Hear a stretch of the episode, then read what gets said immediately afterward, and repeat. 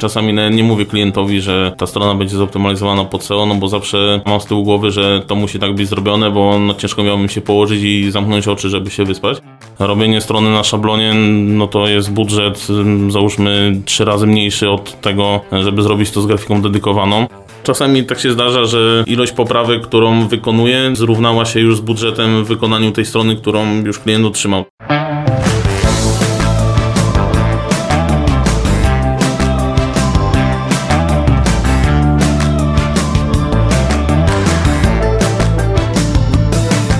O reklamie w internecie.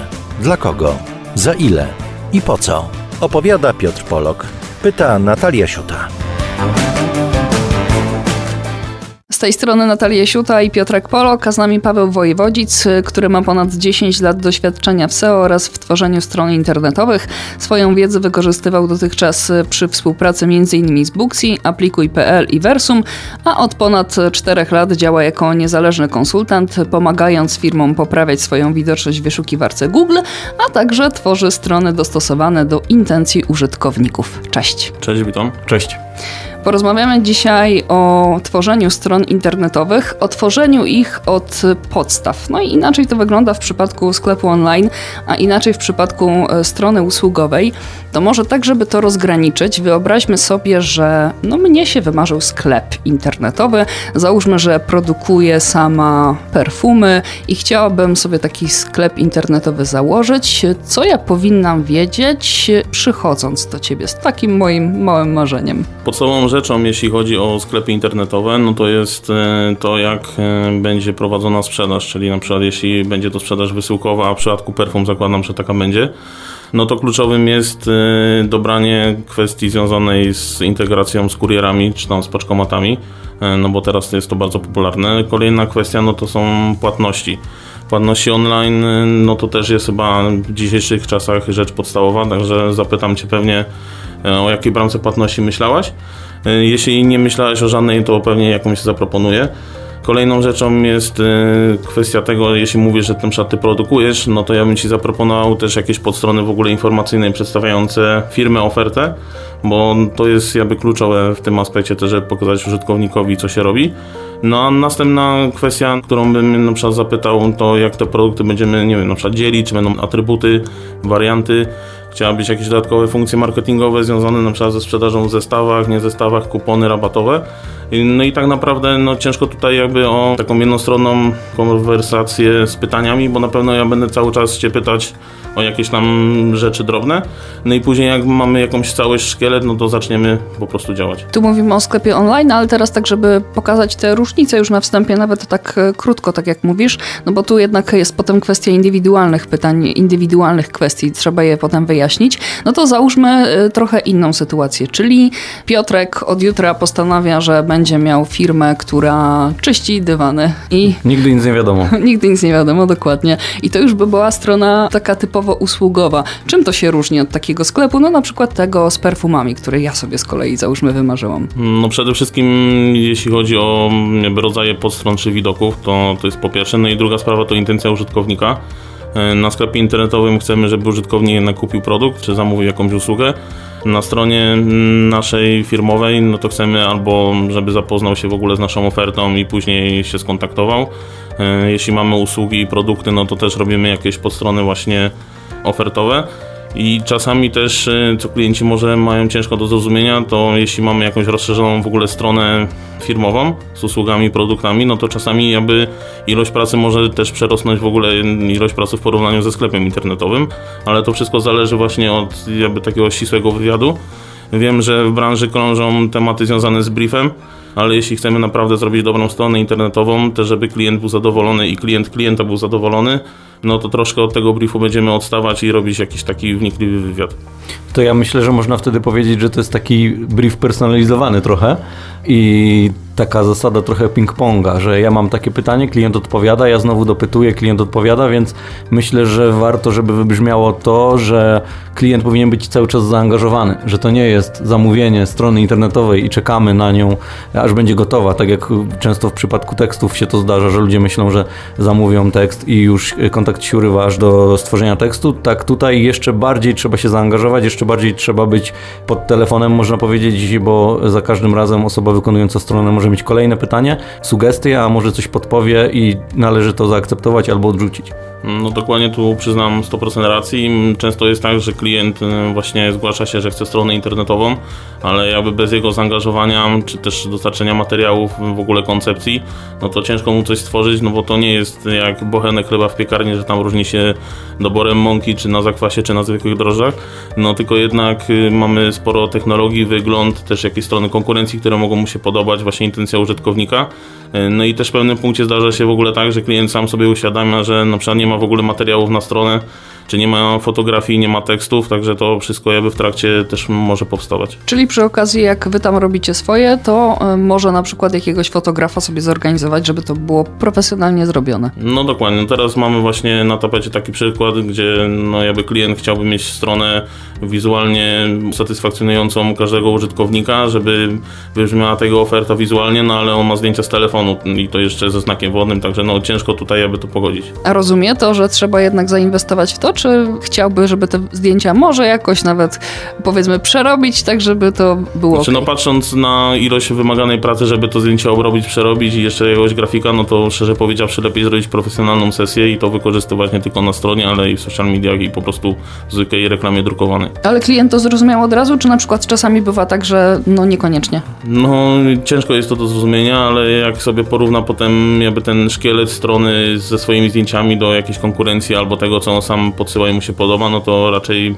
no, liczę na to, że jakby połączy kropki. Też istotnym tematem jest to, żeby porównywać sobie strony w obszarze branży, albo w obszarze zainteresowań, albo w obszarze tego, jak to strona ma wyglądać, a nie porównywać strony usługowej do wyglądu sklepu, bo takie sytuacje też nam się zdarzają i e, mamy mm, firmę z branży usługowej, która zajmuje się bardzo specyficznym działaniem, a dostajemy sklep na próbę, który sprzedaje na przykład buty i tutaj nie ma to za bardzo powiązania, bo tutaj eksponujemy produkt, a już usługi tak nie wyeksponujemy. W tej usłudze powinniśmy mówić o tych zaletach tej usługi, a nie o tym, jak ona wygląda.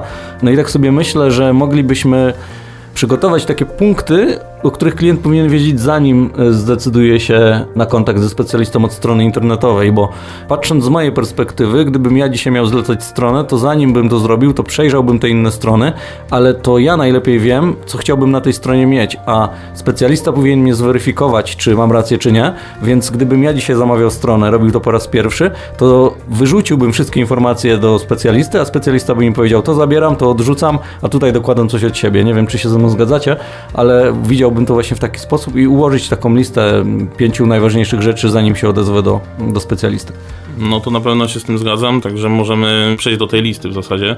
E, No zacząłbym od tego przede wszystkim, czy mamy w ogóle obecną stronę, czy jej nie mamy. Jeśli ją mamy, no to na pewno jakiś taki haczyk zaznaczyć do, do tego, że mamy coś takiego jak SEO, ale to może opowiem później o tym. Kolejna sprawa, no to właśnie strony na przykład konkurencji, które się podobają. Niektórzy klienci jak słyszą, że mają podesłać w ogóle strony konkurencji, no to trochę są oburzeni, że oni nie chcą jakby takiej samej, ale nie chodzi właśnie o taką samą stronę, tylko zobaczyć jak oni to wykorzystują, jak oni są na przykład widoczni, no bo jeśli jakaś strona jest bardzo widoczna, w wyszukiwarce, no to też świadczy o tym, że ta intencja użytkownika jest spełniona i jego klient też mógłby się odnaleźć na jego nowej stronie. Kolejny temat, no to jeśli mamy jakieś materiały, treści, zdjęcia, no to musimy jakby wyjść od tego, że to wszystko dostarczamy. To jest najlepszy taki scenariusz, gdzie każdy, kto tworzy strony, będzie ucieszony, że już dostaje jakiś wsad do, do tej strony. Kolejna kwestia, no to właśnie co chcemy przedstawiać, albo co się nie podoba na obecnej stronie. No i później mm, po obrobieniu tego przez specjalistę pewnie jakieś pojawią się nowe widoki, nowe podstrony, co można mm, rozbudować. No chciałbym, żeby się też nie zamykać na to, że mamy kilka widoków, kilka podstron i ktoś nie pomyśli, a może kiedyś zrobię bloga, bo często się zdarza tak, że no przede wszystkim niestety po agencjach, gdzie współpracujemy z takimi klientami, że oni by chcieli nagle uruchomić bloga i ktoś im zrobił stronę i też zapłacił niemało i nagle się okazuje, że nie ma funkcjonalności podstawowej jak w ogóle blog czy kategorie blogowe, jakaś baza wiedzy, no i to są dodatkowe koszty dla kogoś, żeby to stworzyć. A dla kogo lepiej będzie stworzyć stronę w oparciu o gotowy szablon, a dla kogo lepiej, jak to jest taki projekt bardzo autorski? Znaczy, no przede wszystkim no, trzeba rozgraniczyć to pod kątem budżetu, bo robienie strony na szablonie, no to jest budżet, załóżmy, trzy razy mniejszy od tego, żeby zrobić to z grafiką dedykowaną.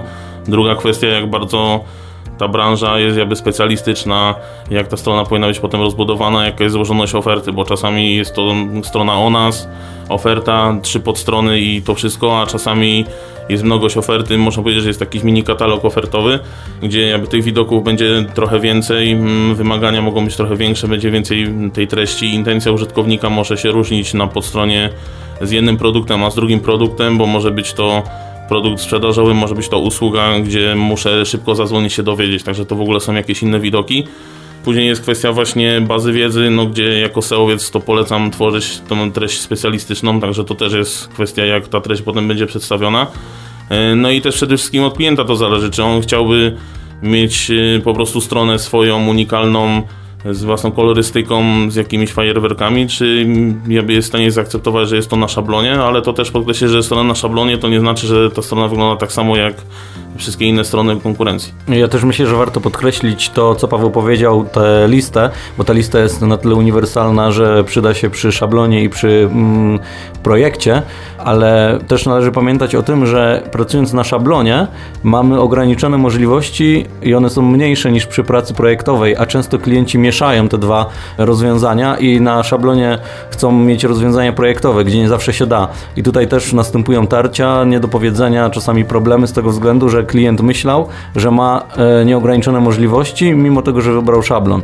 Więc gdybyśmy mogli też trochę o tych różnicach powiedzieć, że jeżeli mamy szablon, to poruszamy się według jego struktury, według jego wyglądu, a jeżeli mamy pracę na projekcie, to mamy nieograniczone możliwości. Tak to rozumiem. No tutaj jakby główną różnicą będzie to, jeśli mamy złożoność oferty, gdzie potrzebujemy stworzyć na dodatkowe widoki, dodatkowe jakieś portfolio, yy, gdzieś jakąś strukturę zarządzalną, no to w pewnym momencie wykraczamy poza szablon, gdzie musimy no, po prostu zaprogramować jakąś dodatkową funkcjonalność i stworzyć w ogóle nowe widoki. No, czasami da się to ugrać e, z poziomu szablonu, no bo jakby to stylowanie jest przygotowane w obrębie całego serwisu. No jeśli klient jakby akceptuje takie rozwiązanie, no to wiadomo, możemy to e, ugrać tą drogą. No ale w większości przypadków, jeśli nagle wyjdzie coś, że klient chce nawet w jednym zdaniu on stwierdzi, że on coś chce i ta funkcjonalność nagle wymaga 20-30 godzin pracy i w ogóle stworzenia kilku widoków, no to tu może być jakiś problem. Dlatego jest kluczowym to, żeby omówić jakby w tym wywiadzie czy w tym briefie takim dedykowanym, co on chce i czego wymaga. No bo później jest taka cienka granica, że już zaczynamy robić z szablonem, klient zgłasza jakieś poprawki i w ogóle te poprawki są nieadekwatne do tego, co my możemy jakby zaproponować na bazie szablonu, także to jest istotne na ten moment. Czyli dobrze rozumiem, że jak mam projekt, no to właściwie tylko wyobraźnia mnie ogranicza, a jak mam szablon, no to to mam różne puzzle, które mogę sobie po prostu poprzestawiać na zasadzie, a ja koszyk jednak nie chcę mieć w prawym górnym rogu, tylko chcę mieć go na przykład po lewej stronie, a tam social media wyszczególnione, tak? Na tej zasadzie? Dokładnie, tak to można mm, ująć. No i też przede wszystkim, jeśli pracujemy na projekcie graficznym, no to tutaj istotnym jest to, że jeśli klient chciałby zmienić sobie kolorystykę e, w jakichś tam przypadkach, czy podmienić zdjęcie, no to dla grafika jest to chwila roboty, a dla programisty czy osoby, która jakby konfiguruje ten szablon, no to jednak jest to kilka godzin pracy i po prostu taka poprawka nie jest poprawką taką, jakby klient sobie myślał. Dobra, to załóżmy, że mamy wersję taką strony deweloperską, taki prototyp, czyli że mamy pierwszą stronę, na której są już jakieś treści, jest stopka na dole, są zakładki poszczególne poszczególne, w których jeszcze na razie niczego nie ma.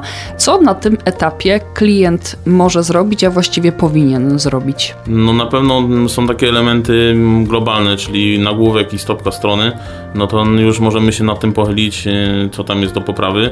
E, Albo Czy... akceptacji. Albo akceptacji, tak. No, najlepsza opcja to jest akceptacja, ale no, zazwyczaj coś się tam poprawia. Zawsze na tym widoku staramy się wyszczególnić takie elementy jak przyciski, na przykład w dwóch wariantach, jakieś nagłówki, jak ta treść wygląda, obrazki, ewentualnie jakieś zaokrąglone rogi, bo to też są takie elementy, czy jakieś cieniowanie. Także jeśli klientowi w całości to przypada do gustu, no to potem sobie powielimy mniej więcej te elementy i ułożymy to trochę inaczej. No i też taką kluczową rzeczą jest to, że no my robimy na pewno strony przystosowane do urządzeń mobilnych, ale na start jak pracujemy sobie z klientem, no to robimy tą wersję desktopową i później dopiero po zaakceptowaniu całej wersji desktopowej przerzucamy się na poprawki mobile.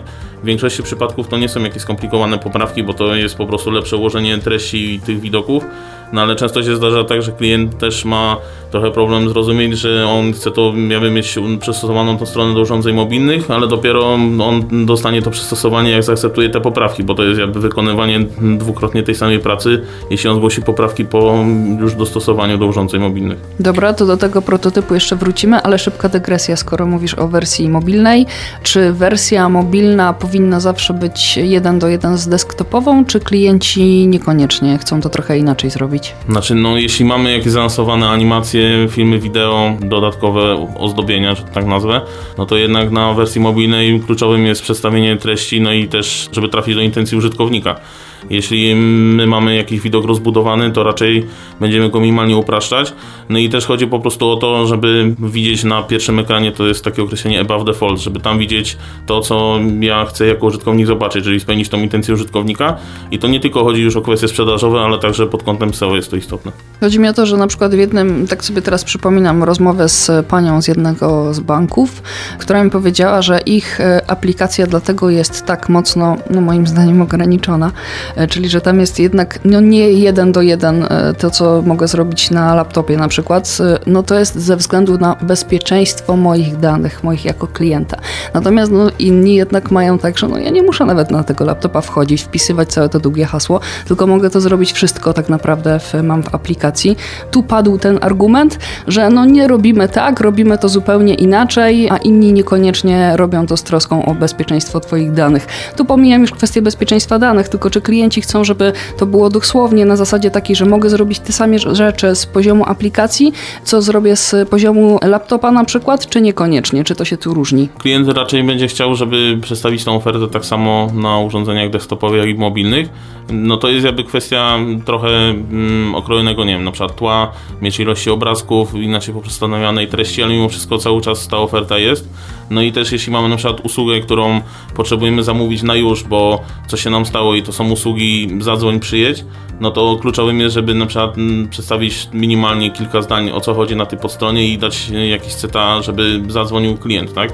Jeśli my potem będziemy tą stronę wydłużać, że będzie na początku zdjęcie czy slider, no to no po prostu użytkownik nie doskroluje się do tego batonu, także dlatego są jakieś takie kompromisy, że minimalnie jakby kompresujemy tą treść, ale zostawiamy tak naprawdę cały flow taki jak jest podstawowo. Okej, okay, ta wersja mobilna to była taka dygresja, to wróćmy jeszcze do prototypu, do wersji deweloperskiej strony. Jeżeli mamy tę pierwszą stronę do akceptacji wysłaną do klienta, to w jaki sposób klient te poprawki wprowadza? On po prostu siada przed komputerem i pisze maila do ciebie na zasadzie to ma być po tej stronie, a tu ma być taka informacja, czy w jakiś inny sposób się kontaktujecie? Mm, no przede wszystkim jest to mm, komunikacja mailowa. Klient y, zapewne zrobi screeny, ale no też y, są narzędzia, które pozwalają jakby zrobić screen całej strony i wrzucić klientowi to w formie online i on sobie po prostu myszką klika, w którym miejscu mu się coś nie podoba, dodaje komentarz. No to jest kwestia jakby uzależniona od klienta. Jeśli klient jest mniej techniczny, no to raczej jest to w ogóle komunikacja też czasem na telefon i trochę notowanie, no bo nie sposób każdego jakby nauczyć i przekonać do komputera, żeby sobie zrobił screenshoty, ale no zazwyczaj w 90% przypadków jest to komunikacja mailowa z jakimiś wskazaniami co, gdzie, jak i, i dajemy radę. Ja myślę, że dobrze też y, podkreślić to, co Paweł powiedział o tej akceptacji, że to są akceptacje etapowe, bo jeżeli zrobimy stronę internetową, nad którą siedzieliśmy 20 dni, a dostaniemy pierwsze uwagi po oddaniu całej strony, to znowu spędzimy kolejne 20 dni na poprawkach, a jeżeli będziemy te poprawki wprowadzać etapami, albo nawet nie będzie tych poprawek, tylko etap zostanie zaakceptowany, no to znowu my oszczędzamy czas i klient oszczędza czas i pieniądze. Czyli jak mamy y, stronę, załóżmy już nawet idźmy w to, że mamy pierwszą stronę, tak? Na razie jeszcze na podstronach nic nie ma, jest to tylko przygotowane. To y, w tym momencie, kiedy klient powie jest ok, dogadaliśmy się, to już potem przechodzicie dalej i nie powinniście, jak rozumiem, wracać do tego. Dokładnie, przy czym to też tak wtrącę, że zazwyczaj działamy tak, że najpierw dostarczamy stronę y, nawet i opisową typu o nas, o firmie, bo to jest najprostsza strona, gdzie jest najmniej elementów Później w kolejności dostarczamy na pewno stronę produktową, która jest w zasadzie najistotniejsza i ona też jest najistotniejsza pod kątem SEO, bo nie zawsze jakby użytkownik będzie trafiać na tą stronę główną. I dopiero po zaakceptowaniu tych poszczególnych widoków no sklejamy tą stronę główną z tego, co już mamy jakby wewnątrz strony i dlatego też jest to kluczowe, żeby klient był świadom, że działamy w etapach i nie jest to tak, że pokazujemy, a że na przykład 15 dni nic nie robiliśmy, tutaj masz i, i się odczep, tylko no po prostu tak lepiej działać, bo i klient będzie widział po kolei, że coś się buduje i my będziemy mieć też flow ustalone i dla nas jest to wydajniej na pewno. A sytuacje takie, że te poprawki gonią poprawki, poprawka, poprawkę i tak dalej, to często się zdarzają, czy raczej to są sporadyczne przypadki? No raczej to są sporadyczne przypadki, ale no jeśli poprawka goni poprawkę i jest to jakby element taki stylistyczny, wizualny, no to trzeba powiedzieć w pewnym momencie stop i usiąść na spokojnie do tego, że po pierwsze umawialiśmy się na przykład na działanie na szablonie, nie na tych poprawkach wizualnych, bo mamy jakieś tam ograniczone pole. Były jakieś podane takie wymagania, w trakcie ktoś podesłał jeszcze jakieś propozycje inne, no to powinniśmy się zatrzymać i stwierdzić, no że jednak trzeba będzie zrobić w ogóle szablon, znaczy nie pracować na szablonie, tylko projekt graficzny z grafikiem, bo tam można wszystkie te poprawki sobie przeskoczyć i później wracamy do momentu robienia strony. No przy czym tu już pewnie budżet będzie inny, no i trzeba będzie tą współpracę jakby na nowo opisać. Ja myślę, że dobrze byłoby podsumować ten e, etap, o którym rozmawiamy, czyli e, szablon i, i praca projektowa według takich podpunktów, to znaczy szablon to byłby tańszy, szybszy do zrobienia, ale byłby trochę ograniczający, a przy pracy projektowej mielibyśmy więcej pieniędzy do wydania, więcej czasu do poświęcenia, ale za to nie mielibyśmy ograniczeń. Tak czy nie? Dokładnie. Okej, okay, krótko zwięźle. Pytanie odnośnie do SEO, o którym już wspomniałeś, bo zastanawiam się nad tym, ile ludzi się zastanawia nad tym, że to SEO jest potrzebne i przede wszystkim na czym ta strona powinna stać. Mam tutaj na myśli nie hosting, a a sam system, na przykład WordPress albo autorskie rozwiązania. No i jak y, z Twojego doświadczenia, jak z Twojego punktu widzenia wygląda to, kiedy ludzie dowiadują się o SEO? Czy ta strona już jest gotowa, czy właśnie są na tyle świadomi, że punktem zero jest rozmowa o SEO, a punktem numer jeden jest stworzenie strony? No to zacznę może od kwestii w ogóle samego silnika. Dużo agencji pewnie będzie proponować jakieś swoje dedykowane rozwiązanie, no ale ma to jakby ten minus, że jeśli później rozstaniemy się z agencją, czy agencja jakby zaniecha już w ogóle wsparcia technicznego, no to żeby dodać jakąś, załóżmy, funkcjonalność, poprawkę większą, no to ktoś musi nauczyć się tego kodu i rozgrzebać, jak to wszystko funkcjonuje. Ja jestem zwolennikiem WordPressa, pewnie wiele osób jest przeciwnym, no ale WordPress jest na tyle rozbudowanym już e, narzędziem, ma tyle komercyjnych wtyczek, tu podkreślam komercyjnych, bo jakby za darmo umarło i moim zdaniem darmowa wtyczka w jakimś przypadku temu ma wersję profesjonalną, bo faktycznie działa i jest rozwijana. E, no WordPressa lubi też Google na pewno, bo wiele stron czy portali jest na tym postawiona i jest bardzo dobrze widoczna w wynikach wyszukiwania. Jeśli chodzi o jakieś podstawy SEO też e, jest to tam dobrze zoptymalizowane, ale już jakby wracając stricte do, do SEO strony. Jeśli w ogóle przychodzi klient, który ma już jakąś stronę i chce mieć stronę nową, to często się zdarza tak, że on na przykład miał inny silnik, y, na którym ta strona działała i w momencie wdrożenia nowej strony zmieniamy adres URL, czy w ogóle zmieniamy y, nagłówki, treści na tej stronie, w ogóle działa inaczej układ menu i często wiele osób albo nie jest świadomym, albo w ogóle jakby nie proponuje i nie pilnuje tego u klienta, no, że należy zrobić przekierowania, tak, żeby tej widoczności nie stracić. Jeśli chodzi w ogóle o budowanie nowej strony, od zera klient nie ma żadnej strony, no to ja tu jakby z automatu myślę zawsze, jak ułożyć mu tą strukturę menu, strukturę adresu URL, żeby to było przyjazne pod SEO i jeśli on ma na przykład usługę w kilku miastach, no to zrobić dedykowane podstrony na przykład miejskie, mm, gdzie będzie dedykowana treść, na pewno nie treść powielona, no to tutaj z automatu mam takie myślenie, ale no klienci w większości przypadków gdzieś współpracują z jakąś agencją, specjalistą, no i jakby ja się nie spotkałem osobiście, żeby ktoś zainterweniował, że słuchaj, mamy jakąś widoczność i ja będziemy robić nową stronę, to żeby ona była zachowana, tylko raczej no ja jestem takim strażnikiem tego, żeby ten ruch pozostał i ta widoczność pozostała. E, ostatnio był taki przypadek, gdzie opiekuję się jednym projektem i była wdrażana nowa strona. Klient chciał, żeby ona była wdrożona na szybko, bo były targi międzynarodowe, no ale mówię nie, bo robimy tam pozycjonowanie, tak? Jest widoczność, wydano tam ponad 50 tysięcy budżetu, musimy zrobić poprawki, optymalizację przekierowania, no i samej mojej pracy było na tym 25 godzin. A nie wiem, czy klient jest w sumie świadomy, że tyle poświęciłem, żeby aby ta widoczność była zachowana. To w takim razie jak, ja domyślam się, że tu pewnie są najróżniejsze widełki, to indywidualna kwestia, ale tak średnio, jak dużo czasu mija od momentu pierwszego maila czy pierwszego telefonu do ciebie, że ktoś chce, żeby dla niego stworzyć taką stronę internetową, do momentu, kiedy ty mówisz, ok, gotowe. No ja zawsze zakładam, jeśli bazujemy na szablonie, no dodaję sobie taki termin 20-25 dni roboczych, ale no też trzeba podkreślić klientowi to, że nie jest tak, że ja 20 dni, dzień w dzień, od rana do wieczora siedzę nad jego stroną, tylko po prostu staram się do tego terminu dostosować, tak jak stolarz czy inny usługodawca, czy to z remontami, czy z czymkolwiek, że po prostu mamy jakieś inne projekty, jakoś tam życie się toczy. Także tutaj jest taki termin. Jeśli chodzi o mm, jakby projekt bazujący na jednak pracy grafika, no to już sam projekt graficzny to jest załóżmy jakaś tam praca plus wdrożenie i więcej funkcjonalności, to także tam bym oscylował między 25 a 40 dni roboczych w zależności od funkcjonalności. A jak często zdarza Ci się edukować klientów i jak często w ogóle chce Ci się to robić albo to robisz? Bo mnie zdarzyły się takie zapytania, że klient przyszedł E, żeby zrobić stronę internetową i kiedy zapytałem go, czy będzie potrzebne też SEO, to mówi, nie, na razie zróbmy stronę bez SEO, a do SEO wrócimy za rok. No i ja wtedy mówię, że powinniśmy tę stronę już przygotować pod SEO, nie musimy go, mówiąc kolokwialnie, używać, ale żeby ono gdzieś tam było z tyłu i po prostu je uruchomić. Natomiast wtedy ludzie nie do końca rozumieją, że strona z SEO i strona bez SEO to jest podwójna robota.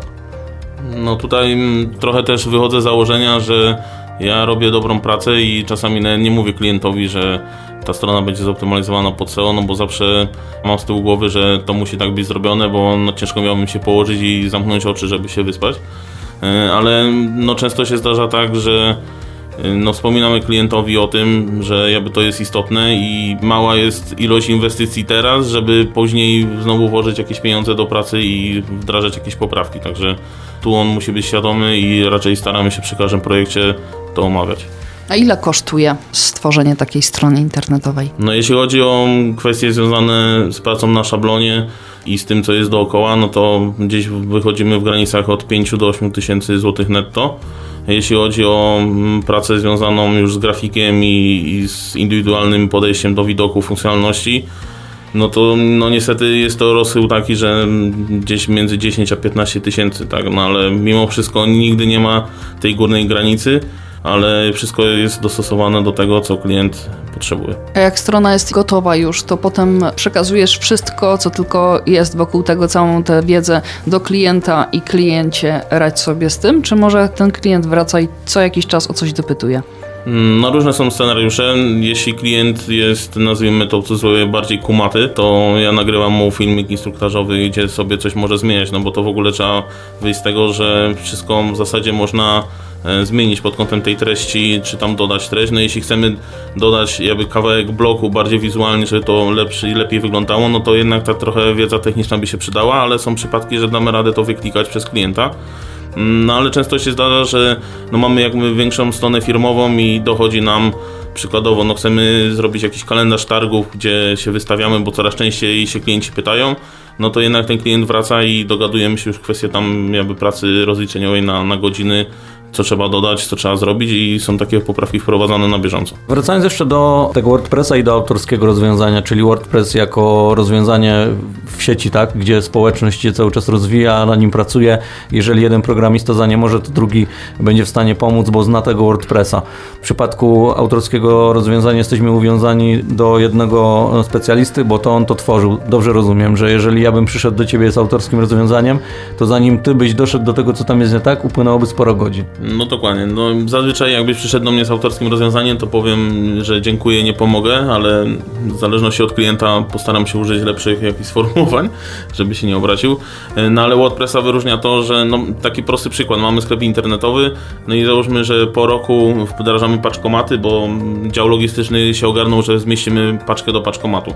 No i teraz w przypadku jakby współpracy na autorskim narzędziu, zakładając, że jakby agencja czy dział deweloperski robił to pod kątem kątem tylko naszym, no to problemem będzie nagle, żeby zrobić y, całą integrację z impostem, połączy się między API, to już mówię tak technicznie, ale żeby to się komunikowało między serwerami, żeby ta funkcjonalność była zachowana, żeby można było wybrać paczkomat y, z mapy.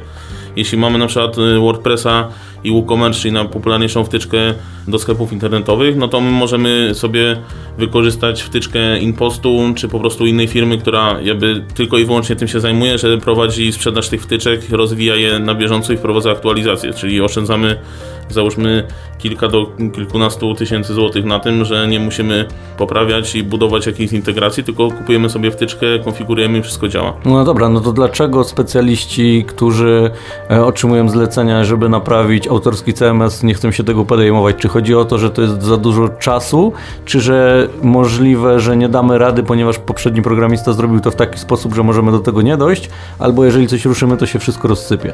No jest kilka kwestii. No, po pierwsze to może być kwestia właśnie czasu, że zanim się to rozkopie i pozna funkcję, jak jest struktura na przykład bazy i kodu, gdzie są jakieś odwołania, Kolejna kwestia może być taka, że ten autorski system był stworzony na starszej wersji np. PHP, teraz mamy nowszą i ktoś się specjalizuje w nowszej, nie chce wracać do, do starszej. E, no dużo jest takich kwestii, no nawet jest kwestia związana z hostingiem, że właśnie mamy starsze środowisko, a ktoś mógłby wdrożyć jakieś rozwiązanie, albo nawet ma takie rozwiązanie, które by współpracowało, ale ono wymaga nowszego środowiska. Jeśli my zaktualizujemy środowisko na tym naszym autorskim systemie, no to zazwyczaj będzie tak, że po prostu ta strona się wysypie i nie będzie funkcjonować. No to rozumiem, ale zdarzają się na przykład zlecenia, gdzie przejmujesz e, zrobienie albo naprawienie, e, albo zmodernizowanie strony po agencji. Jakie najczęstsze błędy widzisz, jeżeli taką stronę otrzymujesz? Kluczowym aspektem jest temat związany właśnie z blogiem czy z bazą wiedzy, że klient otrzymuje od agencji gotowy, nazwijmy to sztywny twór, który ma tylko i wyłącznie widoki ofertowe i formularze kontaktowe stronę główną. No ale jak chcielibyśmy budować nagle bazę wiedzy, no to okazuje się, że ten szablon, który jest w zasadzie dedykowany, nie ma funkcjonalności takiej, żeby wyświetlić chociażby treść e, jakiegoś wpisu czy kategorie blogowe. To jest jakby taki główny, główny aspekt, z którym się najczęściej można spotkać. Kolejna kwestia jest taka, że każda strona i widok jest budowany z różnych kafelków, ale te kafelki są jakby zakodzone z wykorzystaniem popularnej wtyczki do, mm, do pól jakby tekstowych. No, nie będę rozwijać tematu technicznie, ale problem polega na tym, że jeśli my chcemy dodać stronę pod SEO, gdzie chcemy opisać jakąś usługę, nie wiem, czy w danym mieście, czy w ogóle stricte jakąś usługę, dodać sporo treści, na przykład 4000 znaków zdjęcia, no to nagle się okazuje, że ten prosty edytor, który jest zbudowany na przykład w WordPressie, nie wyświetli nam tej strony, bo wymaga ta strona ułożenia wszystkich kafli, które były zaprogramowane przez tą agencję. Także tutaj też jest problem, że na przykład nie ma widoku takiego podstawowego, gdzie przysłowiowa pani Krystyna z sekretariatu mogłaby sobie dodać taką podstronę, tylko znowu jest kwestia programowania i przystosowania jakiegoś prostego widoku, który w zasadzie jest funkcjonalności podstawowej, ale został wycięty przez agencję. Jak tak słucham tego, co mówisz, to mam wrażenie, że naprawa strony może czasami być dłuższa i droższa niż zrobienie jej od nowa. No czasami tak się zdarza, że ilość poprawek, którą wykonuję, zrównała się już z budżetem w wykonaniu tej strony, którą już klient otrzymał. Także czasami, no, jeśli w szybszym czasie jesteśmy w stanie się ogarnąć z klientem i stwierdzić, że słuchaj, no tu jest tyle poprawek, trochę bez sensu, żeby robić te poprawki, zróbmy nową stronę i już jakby z tymi funkcjonalnościami, co chcesz, no to jest to lepsze rozwiązanie, ale są takie projekty, gdzie po pół roku pracy, czy dłużej, tak sobie siedzimy, podsumowujemy i patrzymy, że budżet na poprawki już pochłonął tyle, co w zasadzie nowa strona. Okej, okay, to tak podsumowując, jakich błędów e, klienci powinni unikać, żeby ta współpraca z Tobą przebiegała po prostu płynnie, a też żeby oni od początku do końca wiedzieli, jak to wygląda, żeby to stworzenie strony było przyjemne. Znaczy, no przede wszystkim klient musi też wiedzieć, czego on chce, a nie mówię tu od razu, że on musi pokazać mi na kartce, że chce taki jakby układ strony, ale co on chce przedstawić na tej stronie, co on ma na tej stronie. Musi wiedzieć, że on też musi się w to zaangażować i trochę tej pracy włożyć. E, no i też musi zaufać propozycjom, jeśli chodzi na przykład o strukturę strony czy widoków e, i tego, że no warto się pochylić nad jakby przyszłościowymi tematami, jak na przykład SEO. Okej, okay, i na koniec jeszcze pytanie, które w tym sezonie się pojawi u każdego z gości. Kilka zdań Twojej opinii na temat czatu GPT i OpenAI. Czy to zrewolucjonizuje świat, czy to pomoże, a może zaszkodzi? Ja akurat jestem E, można powiedzieć, przeciwnikiem kółka adoracji osób, które nie widzą nic teraz poza OpenAI i czatem GPT. E, no na pewno to narzędzie można wykorzystać e, w pewnej mierze, no możemy nawet mówić tutaj o stronach internetowych i SEO. Można na pewno wykorzystać do tego, żeby zbudować na przykład lepszy opis produktów, czy opis, metaopis, który będzie wynika wyszukiwania się pojawiał no ale na pewno nie widzę tego, żeby na tworzyć treści specjalistyczne, które będą na stronie ofertowej klienta, no bo po pierwsze musimy wiedzieć, że y, OpenAI uczy się z tego, co jest w internecie. Nie jest trudno znaleźć coś, co jest błędne i na podstawie tego błędu też to AI się będzie uczyć. Także ja tutaj mogę na pewno powiedzieć, że można korzystać w niektórych aspektach, ale nie w aspektach na pewno szukania oszczędności, żeby zaoszczędzić na przykład na pracy jakiegoś specjalisty. O reklamie w internecie. Dla kogo? Za ile? I po co?